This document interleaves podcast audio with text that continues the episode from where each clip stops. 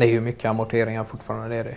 Ja. Sen har jag lagt över det mycket på Jeanette, då, den nya sekreteraren då, som har ja, amortering, fakturering och hela den biten. Då, och skattelättnader och kolla på sådana eventuella medel. Och, ja. Så nu är det väl mest att kunna åka runt och skaffa sig en... Kundbas? eller? Ja, precis. För det är badrumsartiklar eller vad är det?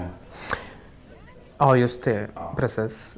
Badrumsartiklar och sen även eh, i viss mån även eh, annan ele- elektronik också då som lysrör och diverse armaturer. Då. Ja, just det. Du höll på ett tag med markiser eller hur var det?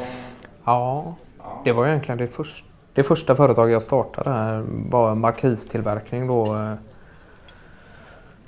Eh, Ja, om du tänker, ja, borta i Borås då så hade, de en ganska, hade vi en ganska schysst stil där då med så kunde tillverka. Det var en jäkla produktion där bara på ett år och försäljningen gick bra och det var gick bra att pressa priserna lite också. Det ligger ganska högt på, eller låg ganska högt på markiserna. Nu kan man ju få billiga markiser eh, Ja. var man än går nästan. Ja. Det, men eh, ja, men det är en spännande jag sålde, bransch. ja.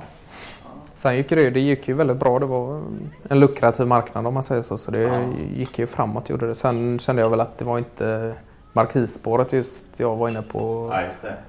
Även om det var en kul... eh, Ja, det var ett roligt företagsengagemang där tillsammans med Peter Magnander bland annat. Och, och så. så det var, Ja. början. Ja. började som enskild firma, gick över till handelsbolag och sen AB då till slut. Så det var, det var en liten krokig väg fram då. Ja. Men eh, sen sålde vi det då och gick vidare på olika banor i livet. ja, just det.